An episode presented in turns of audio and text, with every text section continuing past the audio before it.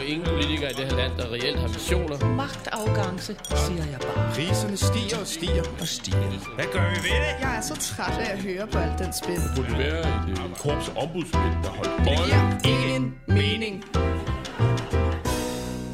Velkommen til en af de fine københavnske salonger. Velkommen til en salon, som sendes i en særlig festlig anledning.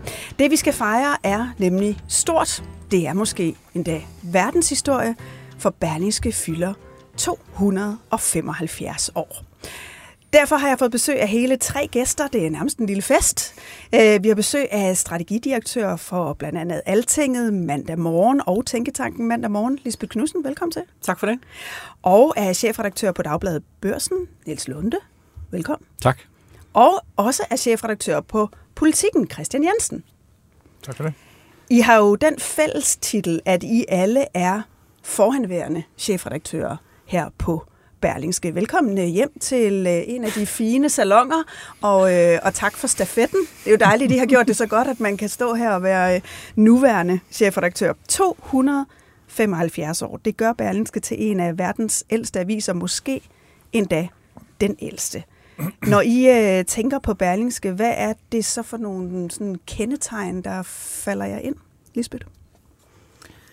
Hæderkronet gammel avis øh, med stolte traditioner, som det helt sikkert er en stor opgave at vedligeholde i øh, nutidens mediebillede. Det vil jeg gerne skrive under på, Niels.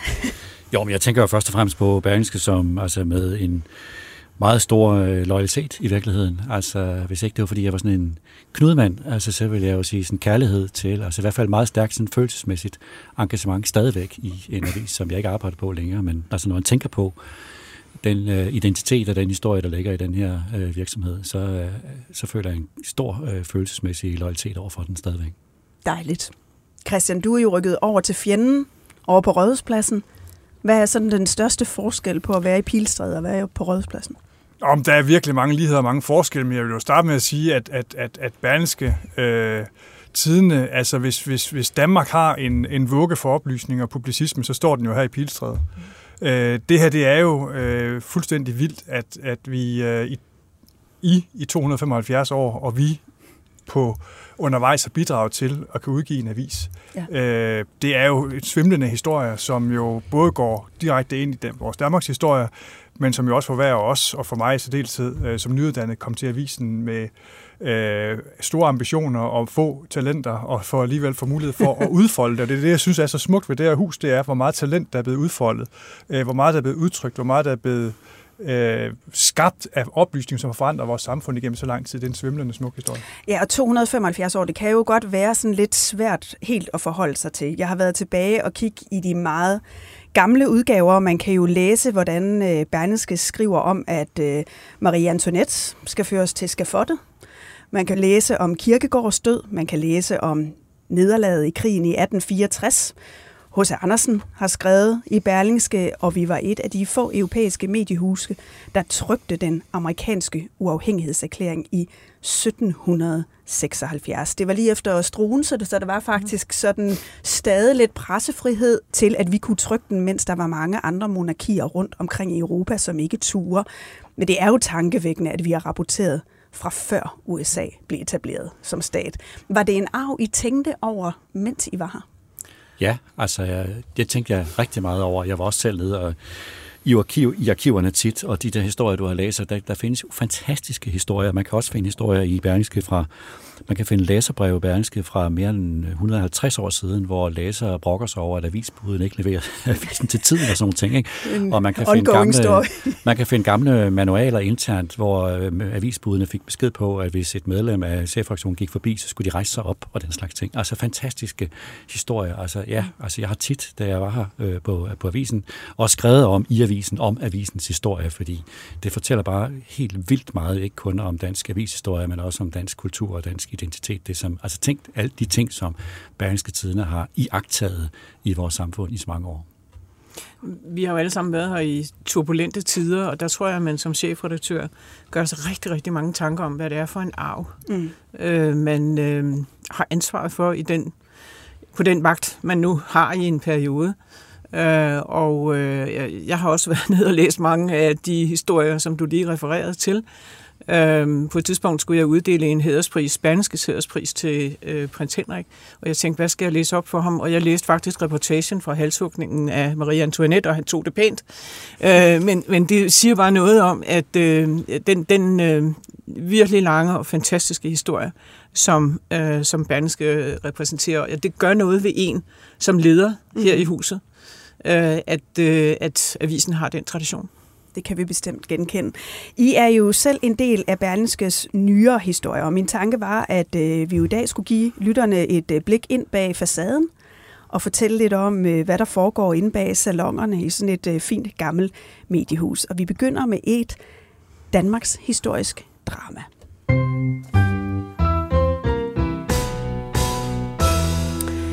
Et drama, der kom ud af en historie, som ikke bare blev en historie, men afgørende for Berlingskes historie, og som to af jer her i lokalet var involveret i på hver jeres øh, meget forskellige måde.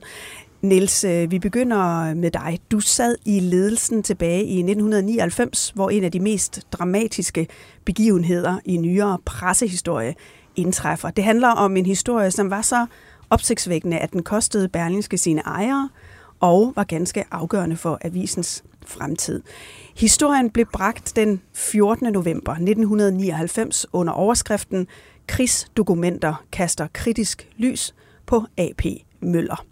Sagen er nok øh, bedst kendt som Riffel-syndikatet og handlede om, hvordan Mærsk, som jo på det tidspunkt var en stor aktionær i Berlingske, havde en væsentlig mindre flatterende rolle under 2. verdenskrig end hidtil kendt. Helt kort var historien, at Mærsk var storaktionær i den danske våbenfabrik Dansk Industri Syndikat, som under krigen solgte våben i stort omfang til den tyske værnemagt, og at AP Møller efterfølgende betalte et meget stort beløb til den danske stat mod, at sagen blev hemmeligholdt. Så I skrev en afslørende kritisk historie om en af jeres egne store aktionærer. Niels Lunde, hvad var der gået forud for, at den historie lander på forsiden i november 1999? Jamen, forløbet var, at nogle, forløbet var, at nogle journalister, fire journalister der blandt Christian, øh, kom og fortalte, at de havde gjort et fund, helt konkret hed det, jeg tror det hed Gyls Kasse, Christian, gjorde det ikke det? Jo, det gjorde det. Altså man havde fundet nogle dokumenter nede på øh, Rigsarkivet, som man synes var vældig interessant, og som kastede lys over dansk erhvervslivs forhold til tyskerne under krigen, og det ville de gerne skrive en historie om. Det var der så et forløb om internt i øh, redaktionen og i redaktionsledelsen, hvor den daværende ansvarshavende chefredaktør Peter Wevel, som jeg husker det, Christian, du må rette mig, øh, sagde blankt nej til. Det ville han ikke, det ville han ikke, simpelthen ikke acceptere i sin avis. Så ja. var der i realiteten en magtkamp simpelthen mellem på den ene side redaktionen og på den anden side øh, især jo øh, Peter Wivel, som Peter Wivel tabte øh, fuldstændig.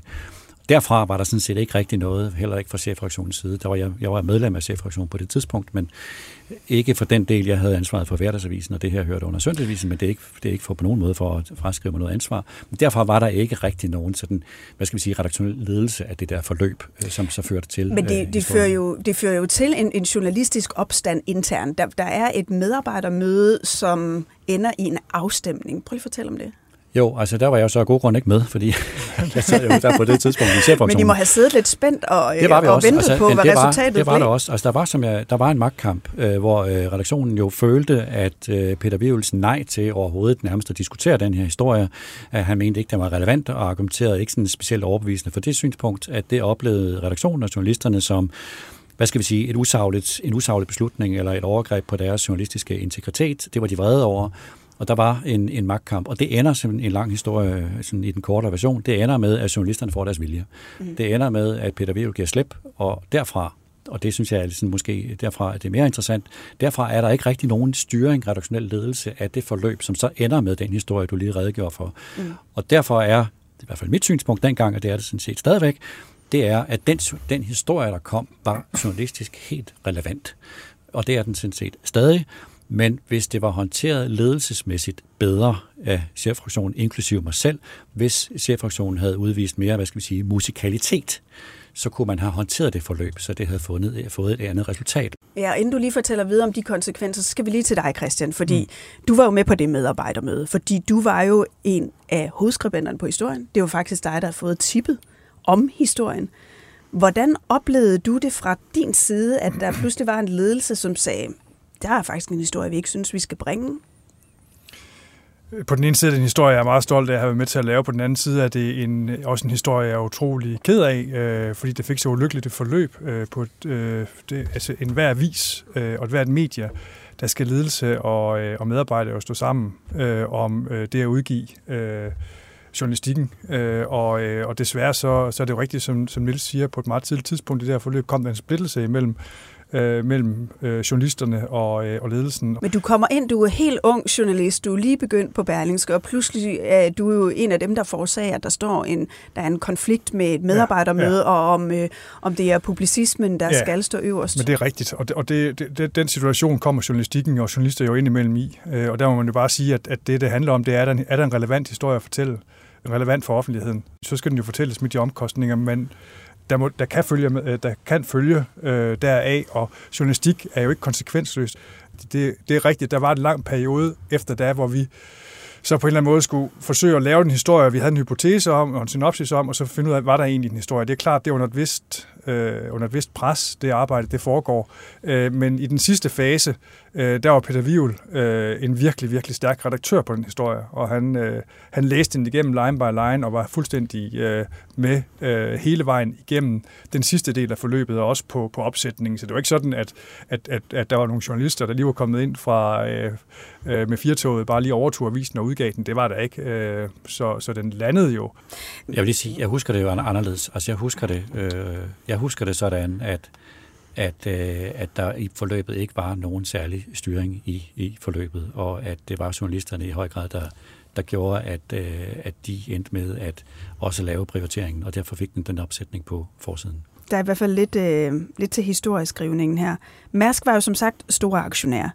Øh, hvornår går det op for jer, Niels, at han øh, er så rasende over artiklen, at han øh, sælger sine aktier?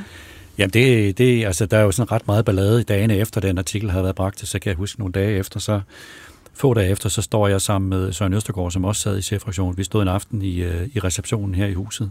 Klokken var 19, tror jeg, og så kommer der et bud ind med et brev. Altså, der kommer et bud med brev, og det er sådan, receptionen lå på anden sal, og og der kommer så et bud ind, og det er så et, et underligt brev. Det er sådan et firkantet, kvadratisk blåt brev, brugt med et bud, og så, så, så står vi, når vi kigger lidt, der står bare sådan en chefraktion på, på brevet der, og så vender vi om, og så står der på bagsiden af Mosehøjvej, Lund.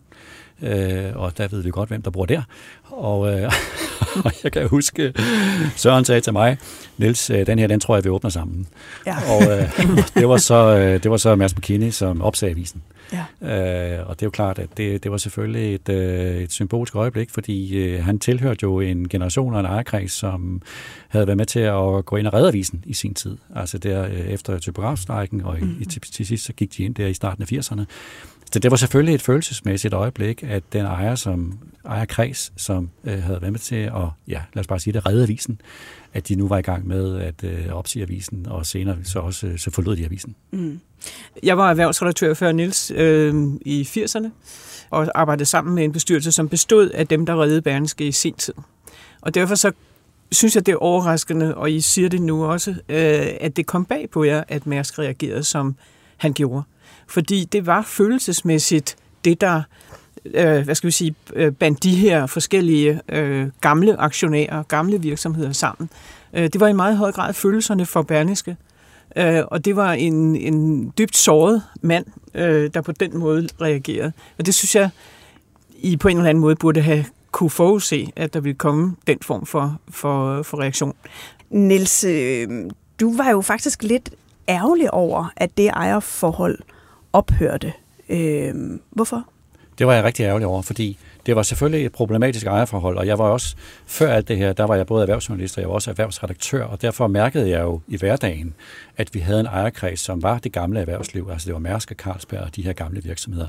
Og der skal man også huske, det var en anden tid dengang. Altså det var i 90'erne. Danmark var simpelthen mindre, mere provincielt. Vi havde Old Boys Network, altså erhvervslivet fyldte meget mere på godt og ondt, end det gør i dag. Og derfor var der også sådan internt sådan en... Jeg oplevede aldrig, at de blandede sig i vores redaktionelle linje, men der var hele tiden, specielt på erhvervsredaktionen, sådan en diskussion af sådan lidt selvcensur, og hvad nu, og der var rygter og sådan nogle ting. Jeg vil sige, at jeg aldrig oplevede det selv. Men det, der er så sket nu, øh, som det vi lige har talt om nu, det er jo så, at de her gamle ejere forlader os. Jeg siger mm. stadigvæk os om Berlingske. Uh, de, de forlader os, til, og så bliver vi så overtaget af Orkla, norske Orkla, som er en kommersiel virksomhed. Og der kan man sige meget om de gamle ejere, og de havde mange fejl, og det var ikke fordi, de var specielt dygtige til at drive en avis. Men de ejede Berlingske Tidene af en grund. De ejede Berlingske Tidene, fordi de holdt af avisen. De følte et ansvar for den. Det var vigtigt for dem. De ejede den ikke for at tjene penge på den. De ejede den, fordi de syntes, at det var vigtigt at passe godt på Berlingske. Og det ejerskab mistede vi. Og så fik vi et nyt ejerskab, og jeg arbejdede i de år, hvor jeg var ansvarshavende chefredaktør, meget tæt sammen med Orkla. Orkla var hederlige, de var sympatiske, og de var dygtige til at drive virksomhed, faktisk også til at drive avis, og de kom med nogle øh, de havde både publicistisk forståelse, og de kom med nogle nye økonomiske krav, som Berlingske sådan set havde godt af, at vi blev udsat for. Men det, der var problemet med Orkla, var jo, at selvom de var på mange måder et godt ejerskab, så var vi jo på det tidspunkt så per definition på det frie marked. Altså så var vi til salg. Og det, der så skete 5-6 år senere, og jeg var selv ret tæt på det, det var, at Orkla træffer en beslutning. Som virksomhed, helt kommersielt logisk øh, beslutning på et tidspunkt, så siger de, de er et konglomerat, nu giver det ikke længere mening for os at have en mediedivision, og så sætter de deres mediedivision, altså inklusive Berlingske Tidene, til salg og så ender vi i et sindssygt ejerskab og der sker jo et, hos et, et David Montgomery. Ja, der sker jo et uh, skift af ejerskabet til Mecom, øh, britiske Mecom, øh, med David Montgomery i spidsen. I er jo faktisk en del i Berlingskes ledelse på det tidspunkt, som så vælge, vælger at forlade avisen. Hvorfor så dramatisk? Ja, vi var mange. Altså, jeg gik selv, og jeg gik hånd i hånd med min medredaktør Elisabeth Røne, og vores medchefredaktør Lars Poulsen gik også i det hele taget. Hele, nærmest stort set hele koncernledelsen gik. Og det gjorde vi, fordi at David Montgomery kom med både et avins synspunkt, som var 30 år forældet i forhold til det skandinaviske, og han kom med en ledelsesstil, som var udpræget angelsaksisk, det vil sige meget primitiv. Altså nu, det er jo så en helt personlig jagttagelse, men han kommer med et ledelsessyn, som ikke er lyttende, ikke er inddragende. Han kommer og dikterer, hvad han synes, det skal være. Og når sådan en leder kommer med et forældet avissyn, øh, og i øvrigt var øh, på det personlige plan super øh, usympatisk, så traf jeg sammen med øh, Elisabeth den beslutning, ham vil vi simpelthen ikke arbejde for. Og i den situation, så står man jo selvfølgelig et dilemma, fordi samtidig med, at man gerne vil forlade det her, fordi man ikke længere vil arbejde for ham, så har man også et ansvar over for avisen. Man har et ansvar over for at passe godt på avisen, at sige, så må man finde nogen og pege på nogen, som måske har den robusthed, der åbenbart skal til for at stå op imod ham. Og derfor pegede vi på Lisbeth. Ja. Og heldigvis, så valgte bestyrelsen Lisbeth. Fordi når vi kiggede rundt i medielandskabet, så kunne vi ikke se andre, der havde forhåbentlig den robusthed, der skulle til for at stå op imod ham. Ja, og det giver jo netop plads til dig, Lisbeth Knudsen. Ja. Så nu skal vi høre om din periode i Berlingske.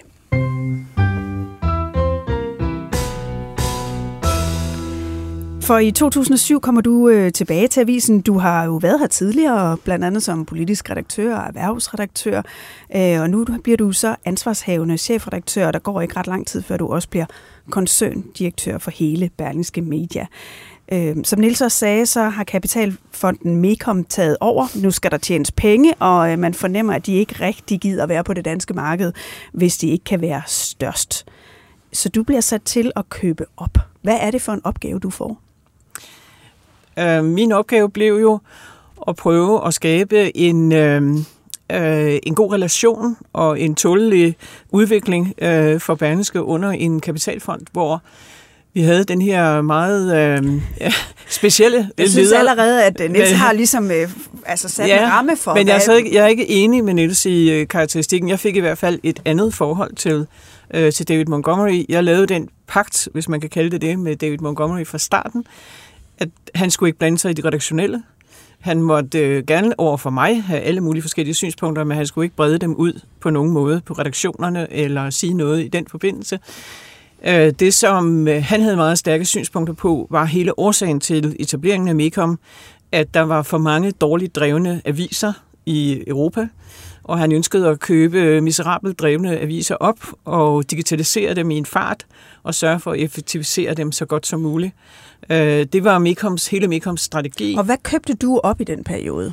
Det er jo en lang remse. Ja, man skal, man skal jo gøre sig klart, at Berlingske koncernen på det tidspunkt øh, bestod af øh, Berlingske BT Weekendavisen selvfølgelig, men derudover så Erhvervsbladet øh, Urban, en øh, stribe øh, lokalaviser, øh, derudover øh, en lang række lokale dagblade, ejerskab delvis eller helt til øh, Randers Amtsavis, Aarhus Stifttidene, øh, Dagbladet i Holstebro, øh, og Viborg Stifts Folkeblad, øh, øh, Ringkøbing Skjern, øh, Dagblad. en meget, meget stor del af det publicistiske Jyske Vestkysten, Danmark. en del af Bornholms Tidene. Øh, så så øh, det var jo over hele Danmark, at Berlingske på det tidspunkt havde ejerskab til, øh, til aviser.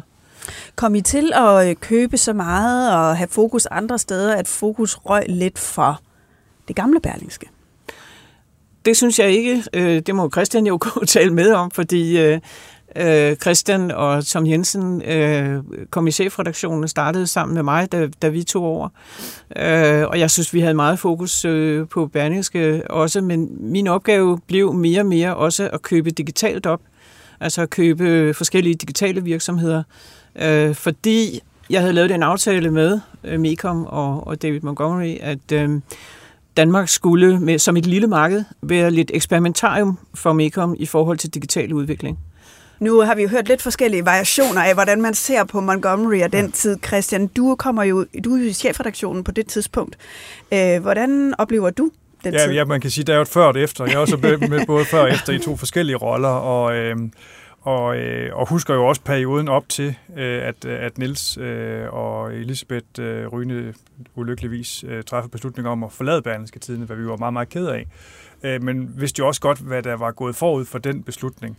Øh, og i den forbindelse vil jeg sige, så, øh, så da Elisabeth kommer til, øh, og laver øh, pakten, som jeg tror, du indgår med ham, mm. øh, uden at, sådan, at involvere øh, Tom og mig dybt i den. Ja. Men det, det er tydeligt for os, at den er indgået, fordi det, der tjener Lisbeth til stor ære i den her periode, det er, at øh, Lisbeth sørger for, at David Montgomerys øh, øh, øh, syn på, hvordan man skal drive medier, det går til dig, og det går mm. ikke til, til Tom og mig. Det vil sige, du skærmer mm. i virkeligheden også, og dermed det publicistiske, journalistiske, øh, bærneske tidene, øh, rigtig, rigtig meget, og i forlængelse af den karakteristik, karakteristik øh, Nils øh, har givet her i dag, og som heller ikke var fjernet øh, og fremmed for os øh, tilbage i, øh, i 2007, så er jeg er glad for ikke at have haft den, den nære kontakt med David Montgomery, som, øh, som du så havde, og så mm. øh, havde et, et positivt øh, øh, billede af ham.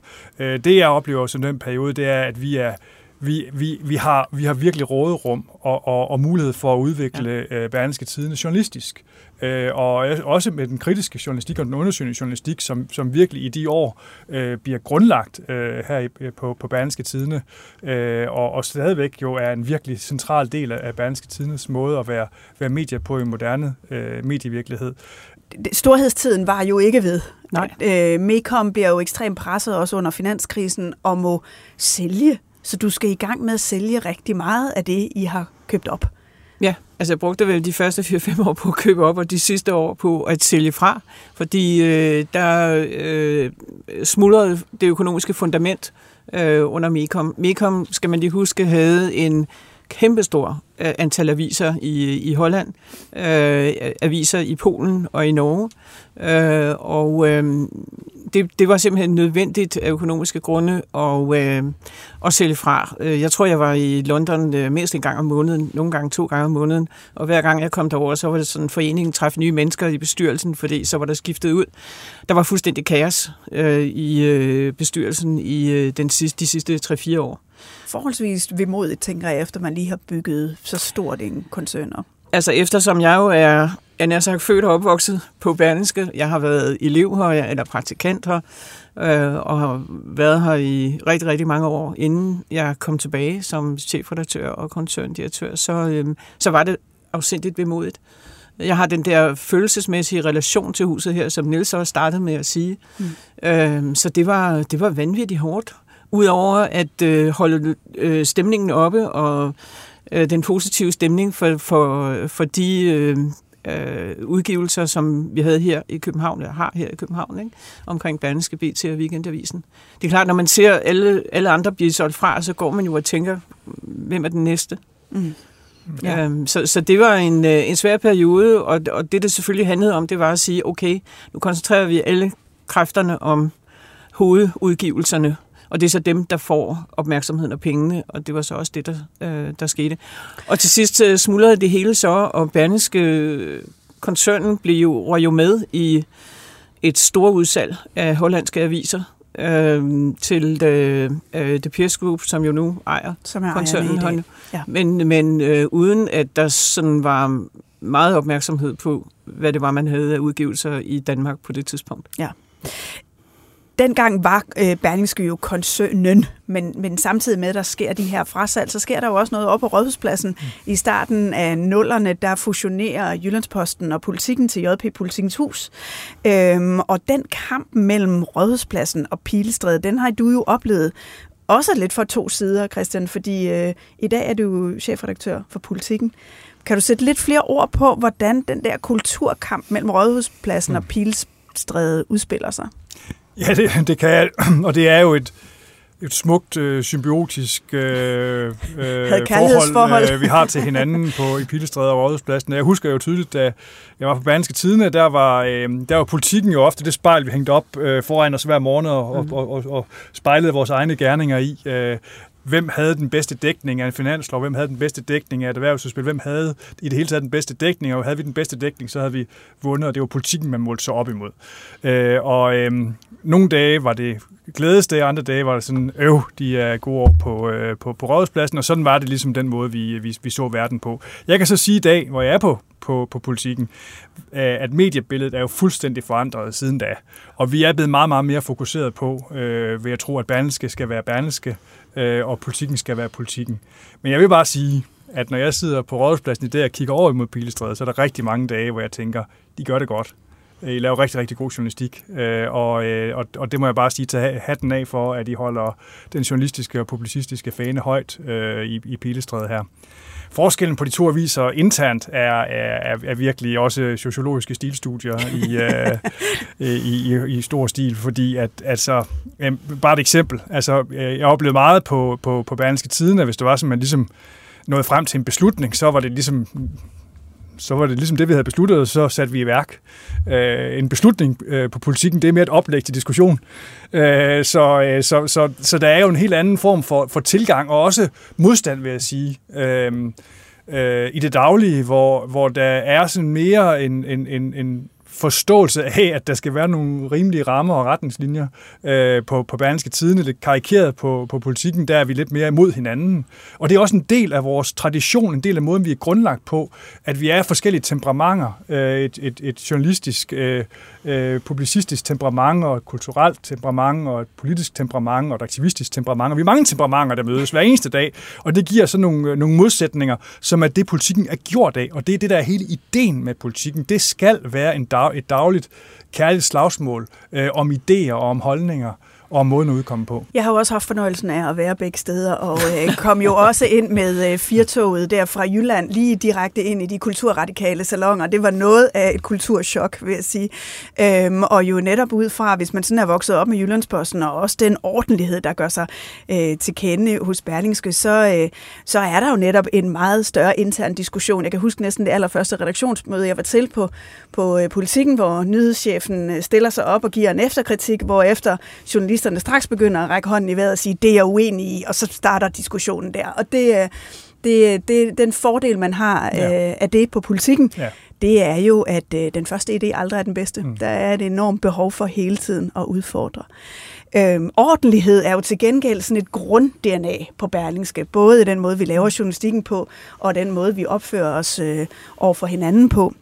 Øh, men spørgsmålet er, om man nogle gange kan blive lidt for ordentlig. Jeg fandt et gammelt øh, citat fra den tidligere berlinske journalist og nuværende finansordfører for Liberal Alliance, Ole Birk Olsen. Han sagde tilbage i 2010, bagsiden af ordentlighed er en angst for at skille sig ud.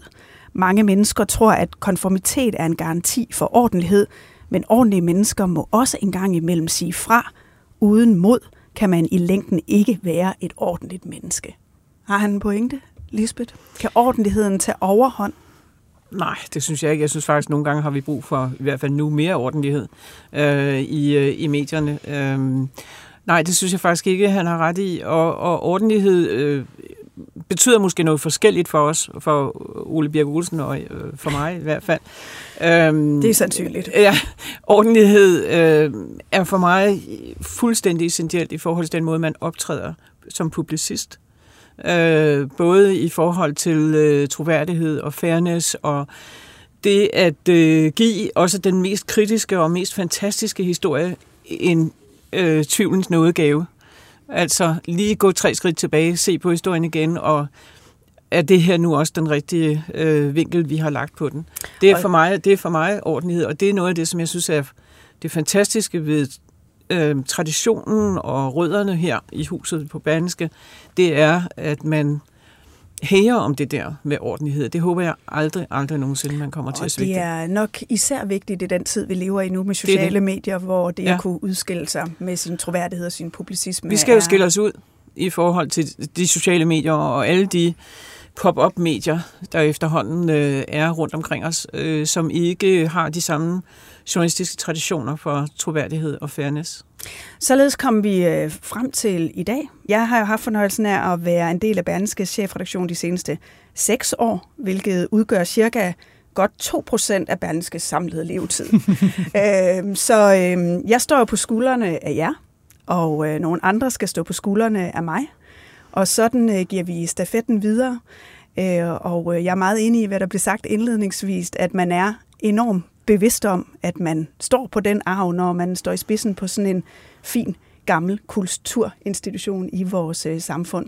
Så gør man sit bedste for, at den også kan leve videre flere hundrede år endnu. Og heldigvis så lever og ånder og spyr den gamle tante jo stadig. Jeg synes faktisk, at det øh, kræver et glas. Så nu har jeg lige, øh, nu skal jeg se, om jeg kan få åbnet en flaske her uden, opti, uden at få øh, ødelagt uh, det hele. Uh, Ja, nogenlunde. Vi prøver at se, om vi kan lade være med at få hældt Champagne i pulten. Ja, champagne i pulten. Et øh, godt råd til Berlingske her på faldrebet? Altså det er jo det her med, at i et mediebillede, som bliver mere og mere fragmenteret og mere og mere med øh, ekokammer og øh, polarisering, så er det bare ekstremt afgørende, at vi har nogle virksomheder, som både politikken og børsen og Berlingske, som holder fast i deres troværdighed og deres integritet, fordi jeg er helt overbevist om, at øh, det er for det første er det den eneste måde at overleve på, men jeg er også helt overbevist om, at offentligheden i den offentlige samtale, de vil søge derhen. Så øh, det er selvfølgelig vejen til at overleve. Det vil vi gøre vores bedste for. Øh, Lisbeth Knudsen, Nils Lunde og Christian Jensen vil I være med til at råbe et øh, trefoldigt leve for Berlingske. Er det ikke en fornuftig måde at slutte på? Jo, jo det er det da. Berlingske længe leve. Hurra! Hurra! Hurra! Og det lange. Hurra! Skål. Skål. Og tillykke. Skål. Og tillykke. Skål, tillykke. Tillykke. Og øh, tusind tak for at lytte med derude på Genhør i Østergårds Salon.